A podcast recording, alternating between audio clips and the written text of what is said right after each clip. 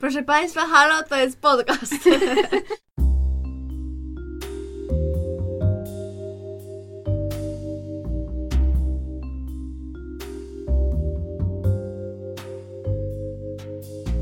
Witamy w bliskich spotkaniach szóstego stopnia. Podkaście o popkulturze, ale głównie o zapomnianych filmach. I o Kevinie Baconie. Ja nazywam się Justyna, a ze mną siedzi jeszcze Paulina? Oraz Gosia. Dzisiaj po raz kolejny odcinek specjalny. Odchodzimy od naszej standardowej tematyki i formatu, żeby opowiedzieć Wam o temacie bardziej kulturoznawczym niż filmoznawczym, czyli marki kulturowe i nasze personalne historie różnego rodzaju z nimi związane. Może któryś z Was chciałaby zacząć? Widzę, że nie palicie się do odpowiedzi. Więc to ja może wylosuję. To może Małgorzata. Świetny wybór. Marka, z którą masz jakieś doświadczenia.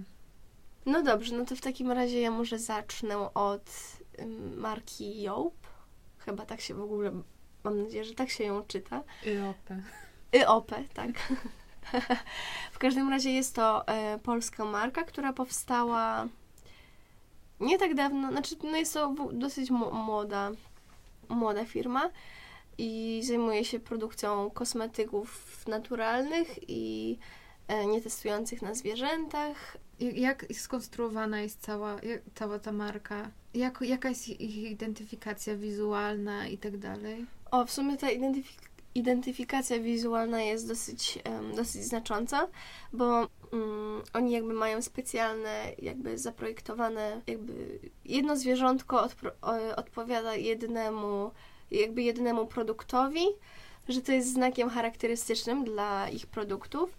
I tak jak na przykład ostatnio mm, wypuścili e, linię szamponów, to Mm, tutaj jakby postawili na przykład na, na różne ptaki, na różne papugi i jakby to też od razu się tak e, od razu rzuca w oczy, bo ich etykiety są mm, takie, bym powiedziała, dosyć spokojne, bo w zasadzie nie wprowadzają tam dużo kolorów, mm, ale właśnie głównie, głównie są te rysowane zwierzęta. Właśnie chyba tak te, te kolory i te zwierzęta tak sobie odpowiadały, bo ja na przykład właśnie Mhm. mam ich szampon i odżywkę, które ostatnio ze sobą pomyliłam i najpierw użyłam odżywki i właśnie jest, mam nie, jakiegoś niebieskiego ptaszka. Tak, ja też mam niebieskiego. Tak, no, no, no. I to też jest fajne, bo mam wrażenie, że. Bo oni stworzyli akurat. Tak, może na przykładzie tych szamponów jest najłatwiej, bo to jest jeden z ich najnowszych produktów, po pierwsze. A po drugie, mm, jest właśnie taki dosyć mocno rozpoznawalny, bo oni stworzyli mm, właśnie te trzy linie, jakby dla różnych typów włosów, i od razu też to mam wrażenie kojarzy się, jakby, że pr- przez to. Że każdy ten ptak jest inny i jakby każdy ma inny kolor, to od razu Jezus, jak to powiedzieć? Że jakby zapada w pamięć. Charakterystyczne? Tak, no tak, że jest to właśnie mocno, mocno charakterystyczne. Mm, A to też jest w ogóle bardzo ciekawe, że oni tak uderzają jakby w bardzo w tą estetykę, tak, że to jest ważne i to się tak bardziej kojarzy już wtedy z marką trochę luksusową. Tak mi się przynajmniej wydaje, bo takie ym, popularne produkty w ogóle kosmetyczne to zazwyczaj nie, jakoś nie, nie, nie kojarzą nam się tak, że właśnie są te butelki, że są takie ładne i tak dalej. I to też dla właśnie- wielu jest chyba problem, jak ktoś bardzo tak dba o, o, o estetykę w domu, czy...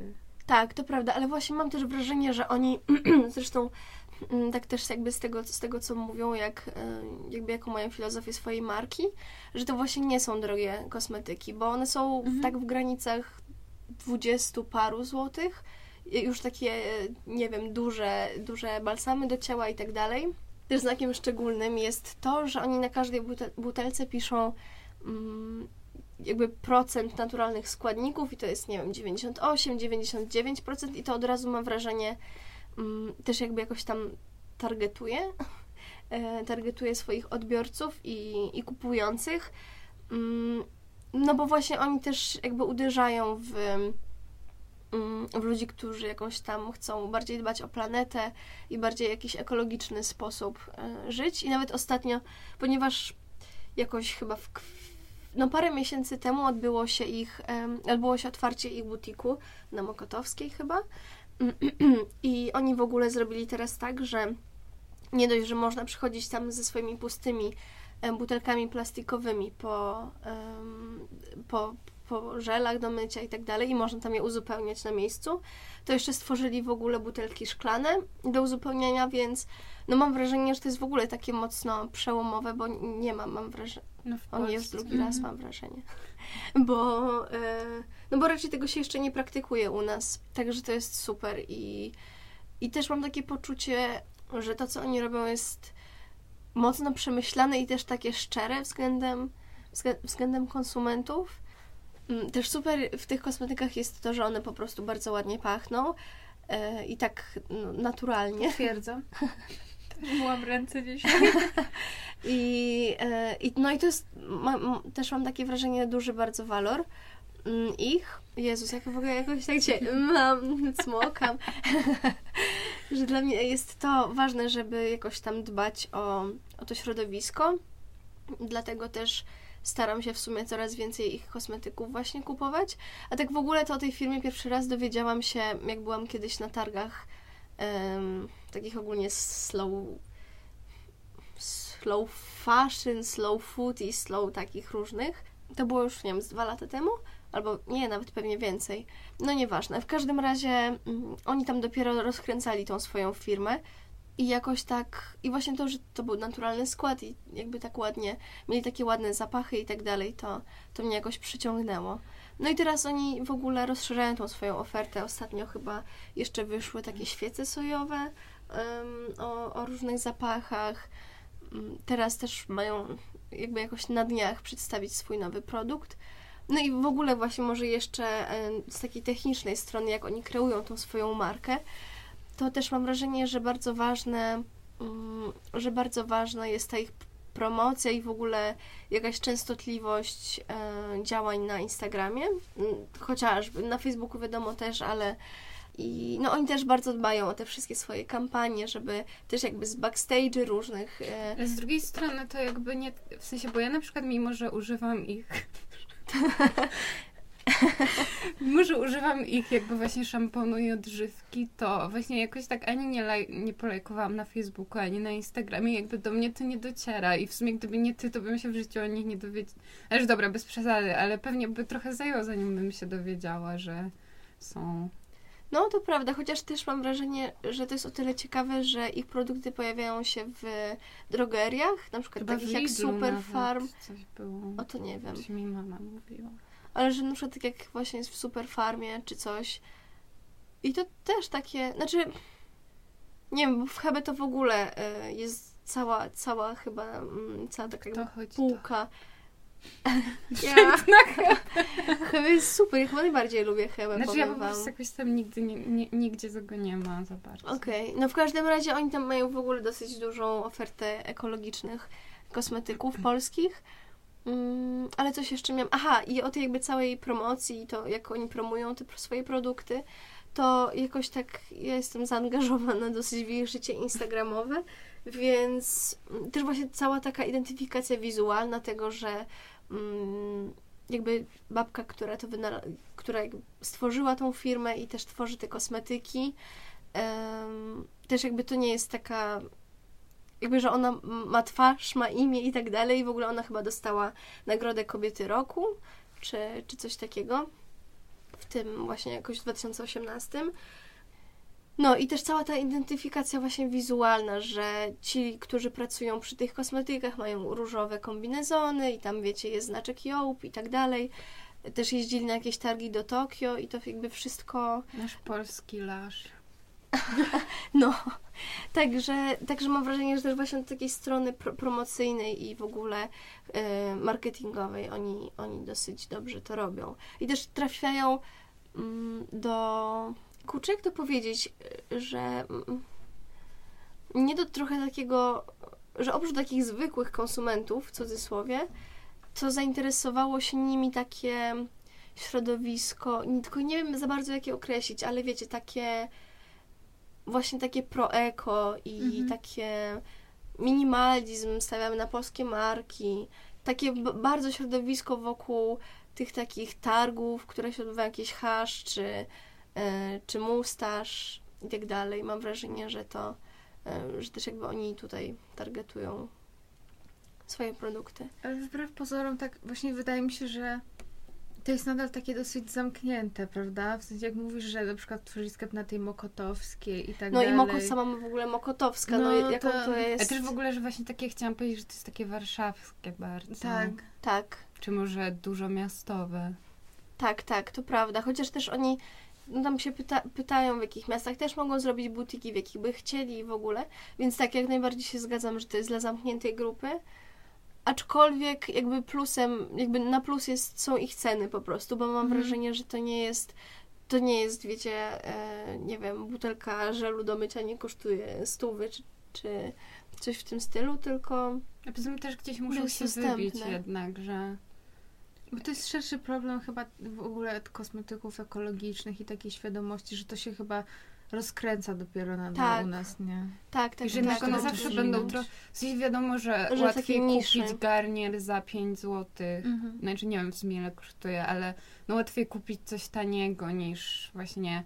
No ja też uważam, że jest całkiem tani ten jąb, ale no umówmy się, że są tańsze rzeczy. No, no i też mam wrażenie, że dopiero jakoś stosunkowo niedawno jakby wzrasta nasza świadomość dotycząca środowiska i teraz jest jeszcze taki, no na to dosyć duży hype, więc Ale to Więc też, to też w ogóle pewność. wśród młodych ludzi przede wszystkim chyba tak, Tak. mi się wydaje. tak, tak, tak.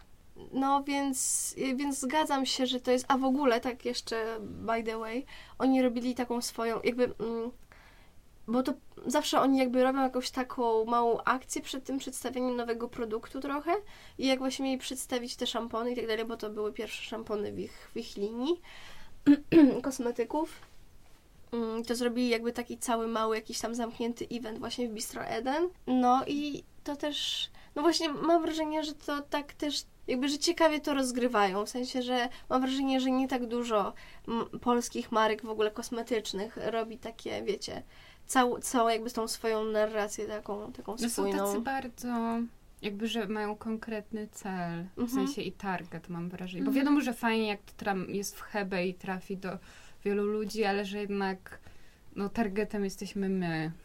Tak, i jeszcze może tylko tak już na koniec mojej, mojej opowieści przydługiej, to em, no to też właśnie warto podkreślić, że oni mają też taką linię na przykład mydeł dla dzieci i tak dalej, że też właśnie targetują to do Młodszego odbiorcy.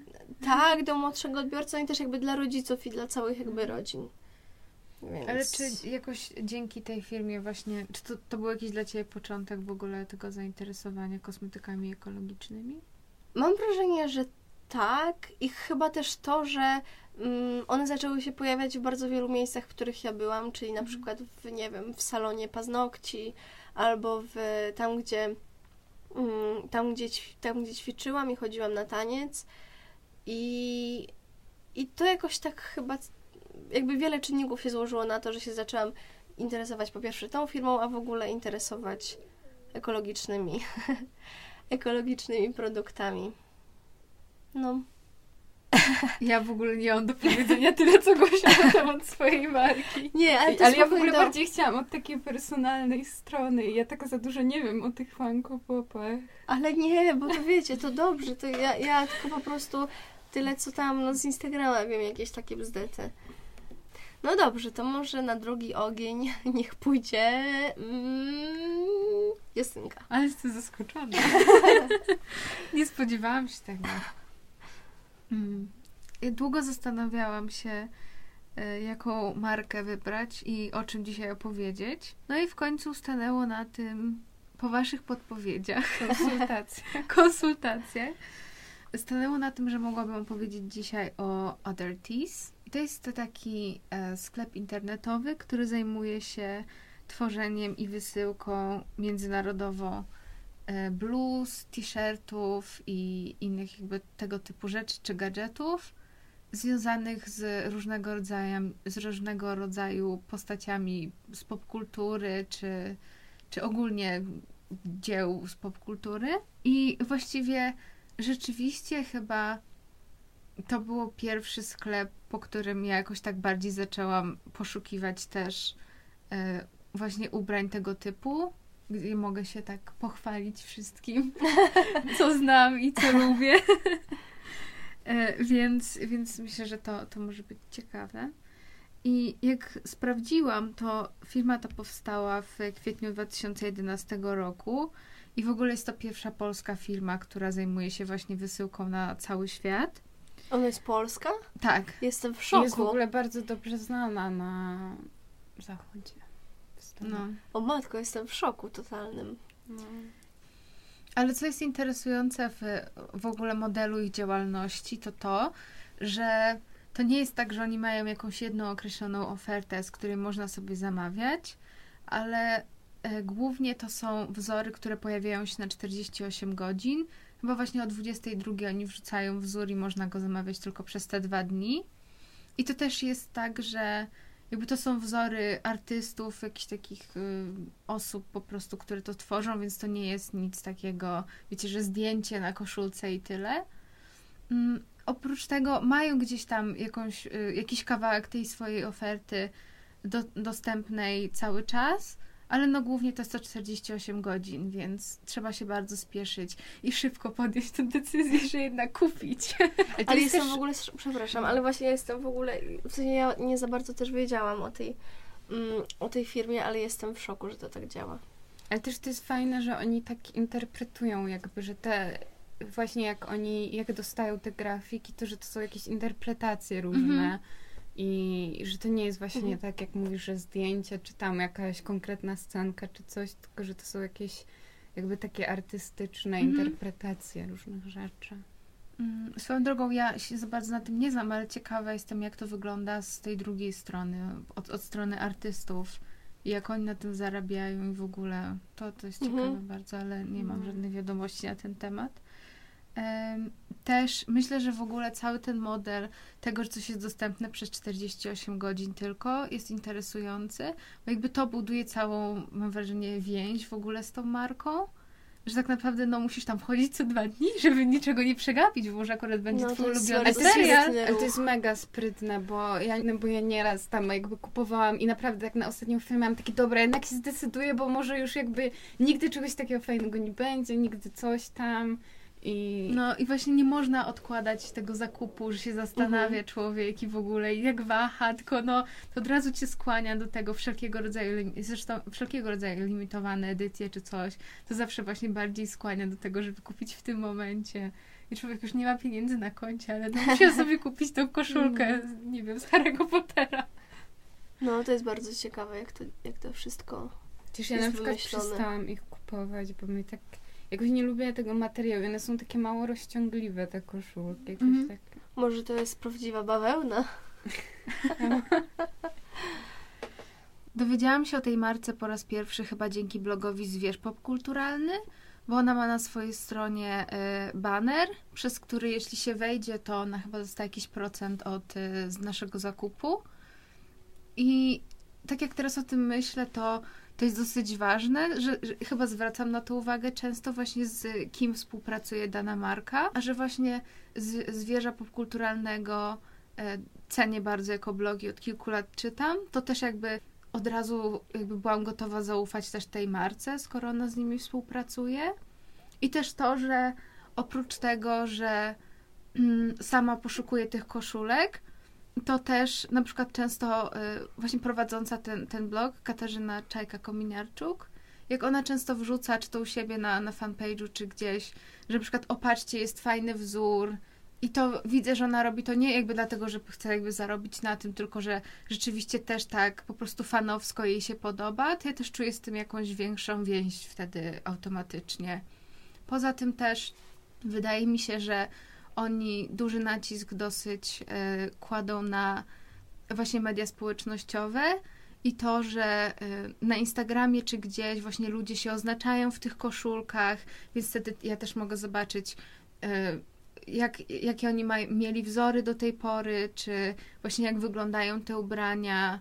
Ale to też tworzy w ogóle taką fanowsko-geekowską więź w ogóle z innymi ludźmi też, prawda, którzy się interesują tym, też kupują te ubrania i tak dalej. No właśnie to jest chyba też ciekawe w takim kontekście jakby w ogóle mm, tworzenia społeczności wokół, wokół serialów i tak dalej, że tworzą się jakby całe takie małe, zamknięte grupy właśnie fanowskie i tak dalej. I że to jest właśnie też ciekawy jakby target i takie mam wrażenie, że bardzo na, no jakby na czasie i tak dalej. Przez to, przez to, że jest Netflix i w ogóle. Myślę, że totalnie masz rację i też zastanawiam się, do kogo jest kierowana, bo też rozmawiałyśmy o tym w, w Twoim przypadku, do, do, do, do kogo jest kierowana ta marka. I myślę, że to chyba totalnie też są ludzie tacy 20-30, bo jakby Mhm. chyba tak się mniej więcej w ogóle rozkłada też zaangażowanie w związku z różnego rodzaju fandomami, grupami fanów i tak dalej. Ale to z drugiej strony trudno jest powiedzieć, no bo na pewno rozpiętość wiekowa jest tak duża, że mhm, No także ciężko to jakoś tak scentralizować. no, prawda. No bo jak rozumiem, to oni głównie uderzają jakby w zagraniczne e, popkulturowe dzieła. Mm, Nie no, Czy- w Polsce w ogóle jest jakaś... Wiedźmin. Nie, no tak, ale no jakby no w gruncie rzeczy można by było stworzyć też właśnie wokół jakichś, nie wiem, Wydaje mi się, że tam rzeczywiście w dużej mierze to się skupia wokół mm, takich zagranicznych rzeczy, no bo to wiadomo też jest jakieś Mhm. tam najbardziej popularne. I nie przypominam sobie teraz tak, żeby coś było rzeczywiście w ogóle polskiego. Ale jakby znowu, ty mówiłaś też o polskiej marce, Adultis też jest polskie. I myślę, że to jednak ym, też jest dosyć ważne, że dla mnie na przykład właśnie zamówienie czegoś, co jest z Polski, zupełnie inaczej wygląda i, i zupełnie inaczej się kojarzy niż zamówienie czegoś z zagranicy. Mhm. Że jakby całe to poczucie takiego w ogóle wspierania jakby polskiego biznesu to jest jedna sprawa, ale z takich względów logistycznych w ogóle też jakoś bezpieczniej mi się tak za, załatwia takie rzeczy jakby z polską firmą, gdzie wiadomo, że kontakt jest zupełnie wtedy inny i, i w ogóle i, i grupa fanów też na pewno, która zamawia, no to podejrzewam, że to też w dużej mierze są Polacy jednak, więc I też mam wrażenie, że nie czujesz się jakby taka anonimowa, że mhm. nie wiem, na przykład jakby był jakiś fajny wzór i tak dalej, to, to mogłabyś, nie wiem, napisać do nich na Instagramie, że fajnie, że coś tam. I ja właśnie na przykład z, mam wrażenie, że z Joop jakby jest bardzo podobnie, że nie wiem, jak ludzie też oznaczają mm, oznaczają te kosmetyki i tak dalej, to też myślę, że oni dostają dosyć duży taki feedback pozytywny nawet Mhm. na, w, jakby w social mediach. Ale też myślę o zakupach y, w ogóle w kontekście na przykład genderowym, bo oni mają ten jeden wzór, który jakby można sobie wybrać. Ląduje, taki sam wzór ląduje i na męskich, i na damskich bluzach, koszulkach, cokolwiek. A na przykład znalezienie czegoś takiego w ogóle w sklepie takim zwykłym, w sieciówce, no, gdzie te wzory są różne dla kobiet, różne dla mężczyzn, prawda? No bo kto by widział, żeby w ogóle coś było nieróżowego, jeżeli jest dla kobiet i jest fandomowe na przykład, nie? No, to prawda. E, Więc to, to też jest duża wartość. Rzeczywiście ja dostaję fajny wzór i mogę sobie wybrać i, i nie jestem skazana na jakiś tam design właśnie, wiecie. Poza tym nie mówiąc już o tym, że w ogóle w sieciówce dostanie takiej fano, fanowskiej koszulki na przykład, no to tylko właściwie na, na dziale męskim jest możliwe. Bardzo rzadko się zdarza, Mhm. żeby, żeby na damskim coś takiego było. Hmm, to ciekawe, ale w ogóle mnie też zastanawia, czy to jest tak, że możesz sobie wybrać jakby kolor na przykład Tak, bazowy? czasami tak. Okej. Jest na przykład tam granatowy, czarny. Tak, można wybrać. Mhm. I pamiętam jako ciekawostka, chyba pierwszą koszulkę, którą chciałam zamówić była z Godzillą, ale nie zdążyłam. I ten wzór się skończył. Pamiętam. U mnie w domu raz była taka sytuacja, że ja kupiłam mojemu bratu koszulkę na święta stamtąd. Okazało się, że moja mama też mu ją kupiła, a potem okazało się, że on też ją sobie kupił. Ale to przynajmniej jest potwierdzeniem, że znacie się dobrze. Ale to było śmieszne. Nie wiem, co się stało z tymi pozostałymi koszulkami. Może wszyscy pokryją pokryją mu chodzą.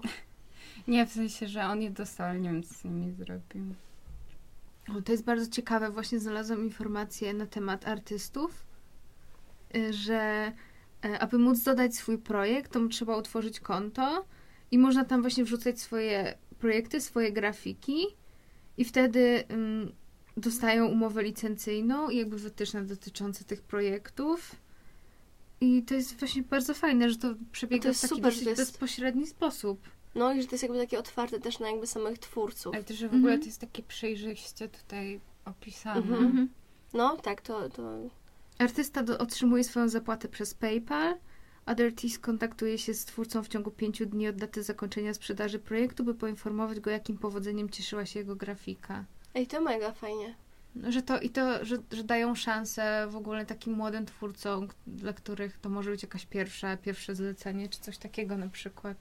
Że to No, to jest dosyć jest w ogóle- demokratyczne. Jak w Tak, i to jest w ogóle jakby ciekawy bardzo mm, jakby rodzaj prowadzenia biznesu, w sensie... Mhm.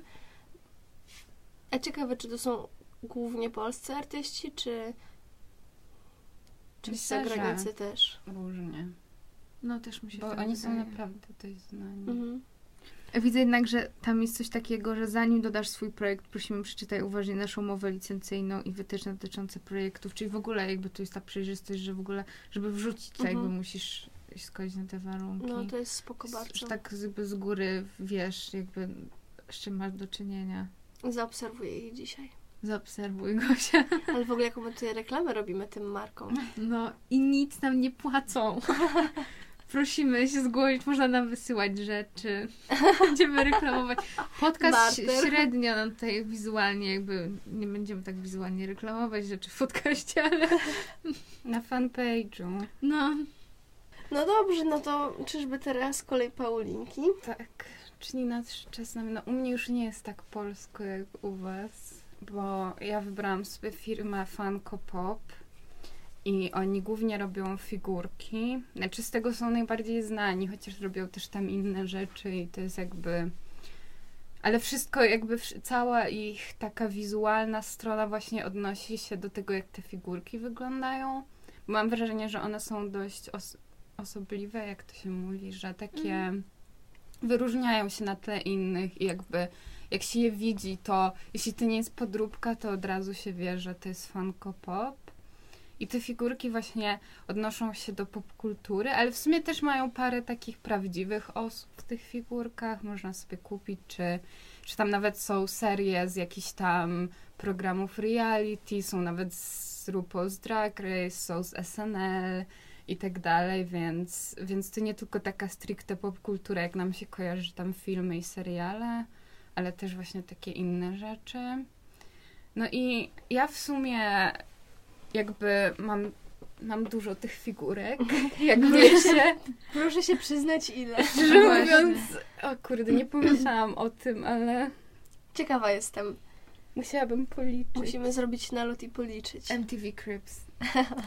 Mogę potem na fanpage'u napisać, O, ile, Ze ile zdjęciami. Tak. Zdjęciami. Koniecznie. Room tour. No, w każdym razie mam ich sporo i w sumie moja przygoda zaczęła się od tego, że w ogóle moja przyjaciółka najpierw mm, miała na, zaczęła mieć fazę na te figurki i ona chyba miała z Wiedźmina swoją pierwszą, a ja właśnie dostałam od niej i od naszego wspólnego przyjaciela na chyba 19 urodziny Snape'a figurkę i to był początek sagi mojej przygody z tymi figurkami, bo ja mam tych figurek tak w, już pewnie koło 30. Tak nie wiem ile dokładnie, no ale tak z 30 ich może być. A to był ten Snape, y, który ten taki jako bogin? Nie, czy- nie, to taki zwykły Okej. Snape i no właśnie, i od tego się zaczęło. I w sumie na początku, jak dostałam tą figurkę, to sobie pomyślałam, że no fajna jest, ale jakby no figurka i ja jakoś tak nie mam potrzeb. Ja w ogóle na przykład nie przepadam z takimi, jak są takie bardzo realistyczne figurki i dużo takich z gier jest. Właśnie moja przyjaciółka też takie ma, ale ja tak nie przepadam za tym. No ale potem jak się zaczyna przeglądać, co oni tam mają, to mam wrażenie, że naprawdę każdy może znaleźć coś dla siebie. Tutaj Gosia na przykład pamiętam, że agent Cooper Tak. bardzo tutaj do ciebie przemawiał. I Justynka otrzymała od nas na urodziny. Tak, mm, mój pierwszy fan kopot. Na razie ostatni się okazało, ale pracuję nad tym. Tak, no. Także mam wrażenie, że naprawdę każdy tam może, może coś dla siebie znaleźć. I szczerze mówiąc, nie pamiętam, jakie były następne moje figurki, bo też jakby to jest typowe, że się zamawia ich kilka. Znaczy, zwłaszcza tacy wkręceni ludzie zamawiają ich kilka em, naraz, więc jakby ja nie jestem w stanie prześledzić chronologicznie, jak, jak się rozszerzała moja kolekcja. No i to w ogóle jest bardzo ciekawe też w takim sensie, że ja na przykład jestem na kilku facebookowych grupach kolekcjonerów figurek i co prawda nie lubię tej, za bardzo tej społeczności, bo jest strasznie dużo takich dzieciaków i w ogóle wszyscy są tacy tak się flexują, że patrzcie ile ja mam figurek i jakie coś tam i tak dalej, więc my tak z przyjaciółką, bo oczywiście z przyjaciółką jesteśmy na wszystkich, tak śmiejemy z, z tych ludzi i w ogóle może nie powinnam tutaj się przyznawać, ale no tak, tak średnio ogólnie ci ludzie tak personalnie, aczkolwiek jest zdecydowanie taka społeczność wokół tego i w ogóle jest taka kultura zbierania tych figurek i są nawet blogi jakby jak na przykład wypatrzyć takie figurki, które są rzadkie, są w ogóle takie, oni mają w swoich kolekcjach chase'y i to są wersje jakby właśnie takie limitowane figurek, które są ogólnie dostępne, czyli na przykład e, no nie wiem, ja na przykład strasznie chciałam mieć Chase'a, jak mam, mam dwie figurki z It, z tego filmu na podstawie Stephena Kinga, z tego, bo to się mm -hmm. to mhm. nazywa. I mam Pennywise'a, który swoją drogą jest wspaniały i bym chciała mieć wszystkie wersje Pennywise'a, bo są super, ale mam też te, tego takiego Georgiego, tego brata mm. Billa. W żółtym kubraczku? Tak, w żółtym o. kubraczku jest strasznie cute, ale jest taka wersja jakby po tym, jak mu Pennywise odgryzł rękę. Oh yeah. I ogólnie no jest dość creepy, ale jednocześnie jest strasznie fajna, więc jakby i w większości kolekcji właśnie są takie chase'y albo różne takie bardzo rzadkie rzadkie jakieś figurki i też w ogóle na przykład oni są, w ogóle są bardzo jakby zaangażowani w tą taką fanowską kulturę, to znaczy oni na Comic-Cony wypuszczają specjalne specjalne figurki. Ja nawet parę mam, bo one to nie jest tak, że nie można ich dostać, czy że są jakieś super drogie i nawet tak jakby na takie polskie standardy to na przykład ja kupowałam właśnie na przykład ten Snape, w, który jest w przebraniu babci Neville'a, to tam kosztowało z 80 zł, a normalnie te figurki kosztują 54, to jest taka standardowa, standardowa opcja. Więc to nie jest tak, wiadomo, że dla Polaków w ogóle no to jest trochę droższa zabawa, no bo tam umówmy się, że jakieś załóżmy 10 dolarów dla Amerykanina za figurkę to nie jest dużo. Jednak ja czuję, że 50 zł to już jest tak. Znaczy mm. kupowałam nawet, chyba najdroższa figurka jaką mam, to kosztowała 99 zł. Co to było? A nie, to właśnie ten Snape chyba a. kosztował 99, a ale na przykład inne z Comic Conu mam jeszcze z Ricka i Mortiego jedną, to jest, to ona kosztowała właśnie tak 70 złotych. Nawet teraz byłam gotowa zapłacić tak sporo za jęczącą Martę. Nie udało mi się do dzisiaj zdobyć. Bardzo płaczę, że ją straciłam. Jak ktoś ma, to niech napisze, proszę.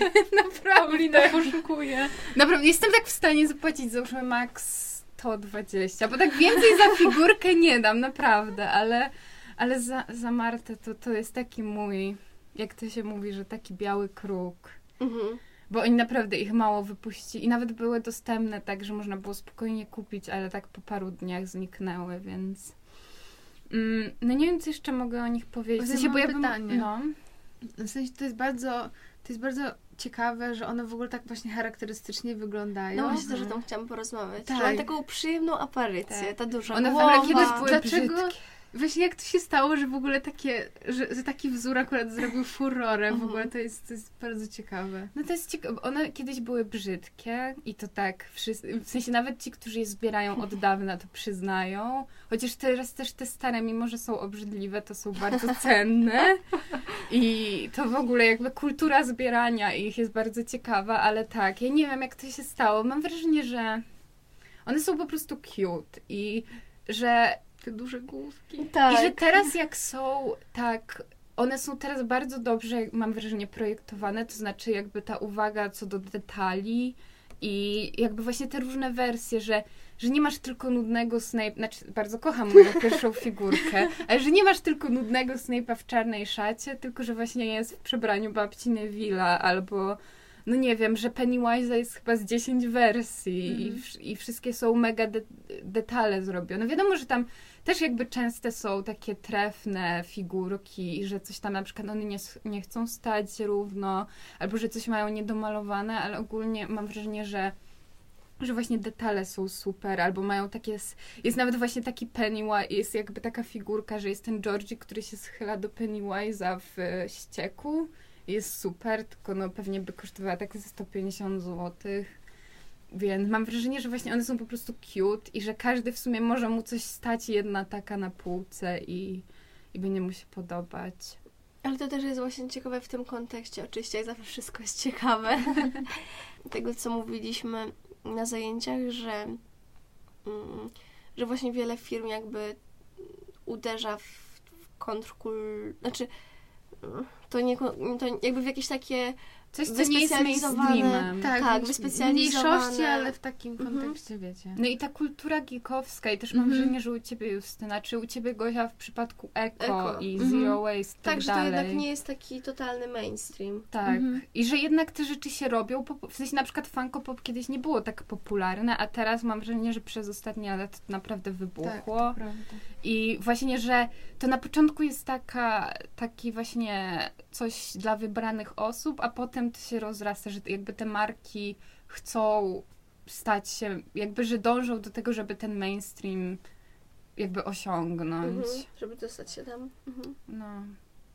No jeszcze mówiąc, nie wiem, ja bym mogła po prostu rozmawiać o moich figurkach przez godzinę. Ale mam, ja z każdą tą figurką, czy z większością mam bardzo takie, i dużo ludzi w ogóle tak ma, że takie bardzo personalne jakby historie, że pamiętam, którą od kogo dostałam, Mhm. wiem, które są na przykład cenniejsze od innych, wiem, na które polowałam i jakby za tym, jakby to jest bardzo taki, ja przez to, że jakby te figurki reprezentują jakby moje zainteresowania, czy nasze, czy, czy wszystkich, to jakby jest taka bardzo, tworzy się personalna więź z tym i ja mam wrażenie, że to jest bardzo jakby taki dobry trik marketingowy, bo nie myśli się o tym, że o jej, wy... znaczy w pewnym momencie, jak się za dużo wyda na to kasę, to się myśli, ale ogólnie nie ma takiego uczucia, że o, wydaje, że oni jakby mnie naciągają, że wydaję kasę na coś, na co nie powinnam. Tylko, że jakby jest zawsze to takie uczucie personalności i takiego też odnalezienia się, że o, oni wypuścili tyle o Harrym Potterze i jest ileś osób, które to kupiło, to znaczy, że jakby nie jestem sama w, tym, w tej miłości do Harry'ego Pottera, czy, czy do czegokolwiek.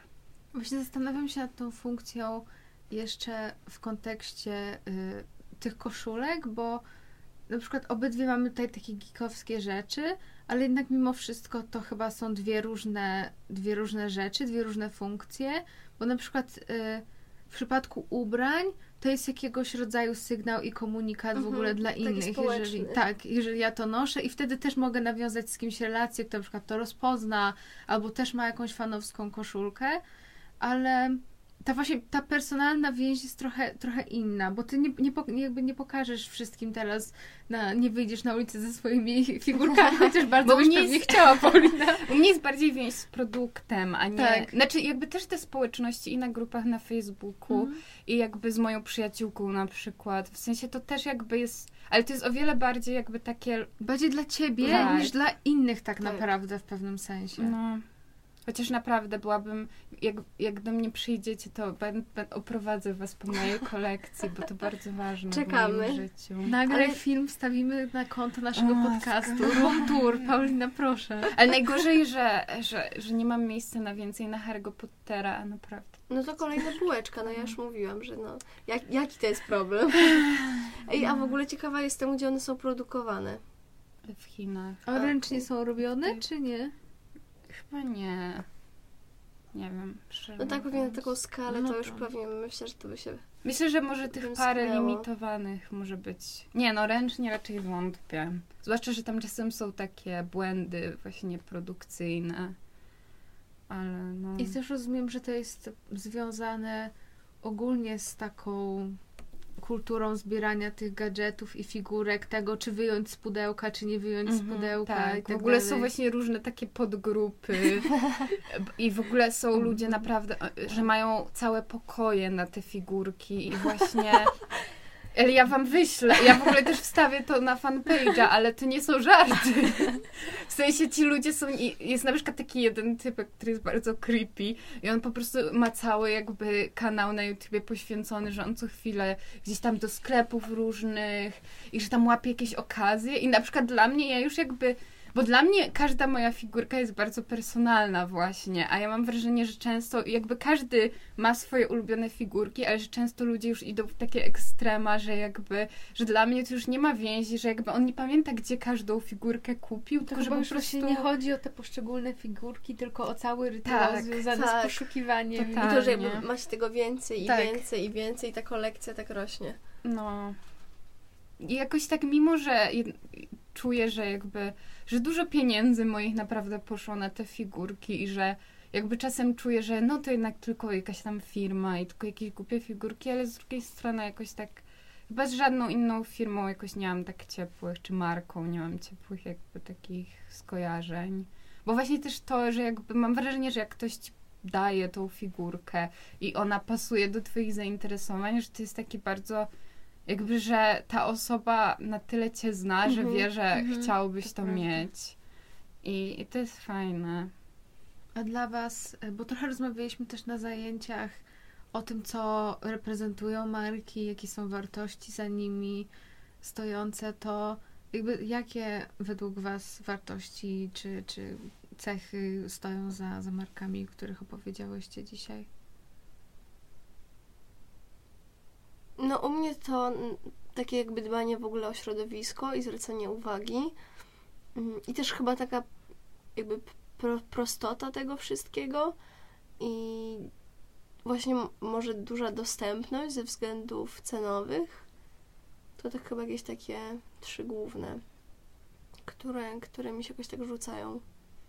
To ja myślę, że u mnie to jest właśnie takie, że jakby to już nie jest nic wstydliwego, czy że nawet kiedy było to, że jakby, że, że jakby embrace your geekiness i że takie, że jakby wcześniej, kiedy one nie były takie popularne, to ja myślę, że dla ludzi to było właśnie bardzo takie, że okej, może jakby, nie wiem, nie wszyscy jarają się, nie wiem, superbohaterami komiksowymi, ale jakby dla, dla mnie wyprodukowali te figurki i to jest takie, że jest jakaś taka społeczność geekowska w tym. To znaczy teraz już nie do końca, ale wydaje mi się, że tak, że stoi za tym takie, że nieważne czy jesteś facetem czy dziewczyną, że jakby wszyscy jesteśmy po prostu geekami i że jakby jest coś takiego właśnie, no nie wiem, takie nie, że nie trzeba się wstydzić jakby swoich zainteresowań. To u mnie podobnie dosyć. I na przykład jak, za, jak założę taką koszulkę czy bluzę jakby z rzeczą, która, która, której jestem fanką i tak dalej, to od razu inaczej jakby inaczej się czuję i wiecie, no, wy na pewno to zro- zrozumiecie o co mi chodzi. Że to ja mam jest- trzy rzeczy z Harry'ego Pottera, takie ten i zawsze z dumą noszę. Tak, i, i to w ogóle, w ogóle to wpływa na, na cały nastrój i tak dalej, tak zupełnie, zupełnie osobiście. I rzeczywiście, no te wszystkie rzeczy właśnie związane z geekostwem i, i, i takiego rzeczywiście embrace'owania tego, to było po polsku, e, właśnie całej tej, e, tej miłości do popkultury i tak dalej. Myślę, myślę, że to jest bardzo cenne. Czy to są te cozy bluzy? Tak. Czuję, że muszę zajrzeć na tą stronę. Zajrzyj Gosia. Z Twin Peaks jest. Mam dwie, No ko- właśnie. mam dwie koszulki z Twin Peaks tam. A No pamię- właśnie, z- Ja jeszcze to Twin z Blade mnie Runnera miałam i to mi się O. też kojarzy z wami. Nie, no to ja koniecznie dzisiaj w ogóle zrobię, zrobię im tam rewolucję na stronie. W takim razie ym, chyba już kończymy. Bardzo dziękujemy za posłuchanie. Teraz y, możecie się wykąpać w ogóle ekologicznie. Robiąc to oczywiście. Nie, że nie, jak się wykąpiecie, to nie będziecie mieli t-shirtu z Teas. To Założyć potem założyć potem po kąpieli. bluzę. Tak, cieplutką bluzę i głaskać figurki. Napiszcie do Pauliny, jak macie pytanie o Funko Pop. I jak macie jeczącą włączyć- Martę. I oczywiście włączyć podcast no, do tego całego rytuału. O, oczywiście. I należy podkreślić, że na, żadna z tych firm jeszcze nie sponsoruje naszego podcastu, ale jesteśmy otwarte. Tak. Ja chętnie przez fanków popa mogę być. z- I przez Job, i przez Alertis mogę być sponsorowana, bo ja bardzo. Jakby. To są fajne firmy, mam wrażenie, i to jest ten moment, kiedy. Zawsze jest takie, mam wrażenie, że zgrzyt, jak się myśli, że ktoś jest sponsorowany i czy to jest szczere, A ja mam wrażenie, że jakby... Tutaj to by było szczere. Tak. I że tak. No, także ym, dziękujemy, ale zanim jeszcze skończymy, to mamy ogłoszenia parafialne pod tytułem takim, że Ale czy mówimy o tym, że Diablo... o Diablo. No to tak, że Diablo raczej nie wypali, bo nie dość, że nie, ma, nie miałyśmy czasu ani wcześniej, ani teraz pójść na to, to też chyba nie udałoby się za dużo o tym pogadać. Tak, zrobiłyśmy taki pobieżny research i wygląda na to, że nie dostarcza do takiego kontentu, jaki Jak liczyłyśmy, tak, że dostarczy. Niestety nie jest aż tak źle chyba. Duży zawód. E, Także niestety musicie iść sami, jeśli chcecie się przekonać em, tak naprawdę jak złe dobre jest Diablo. Nie wiem, nie byłam. E, Ale w następnym odcinku już tak jak obiecywałyśmy, dotrzymamy tego słowa wyjątkowo i będzie, będzie raport mniejszości. I do zobaczenia w takim razie za dwa tygodnie, standardowo w czwartek. Mhm. Tak. Także no. Dziękujemy bardzo i na sam koniec mówiła do Was Justyna, Paulina. Oraz Gosia. Pa, pa!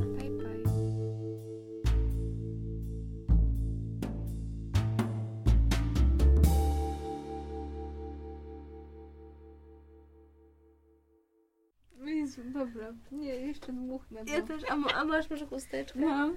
Ja też sobie dmuchnę. Już jest pora. Może spróbujemy kózko wydmuchać. Ale musisz mi trochę przynucać, bo ja, bo ja tak nie wiem, czy ja tak pamiętam całą melodię. Dobra, czekaj. Bo to, bo to się zaczyna od tego, wiesz, od głosy. Symfonia! No bo to była taka melodia, na przykład była tu, tu, tu, tu, tu, tu, tu, tu. Tak chciałbym wstąpić na tron. I co? Wiesz, że nie dam rady. Dobra.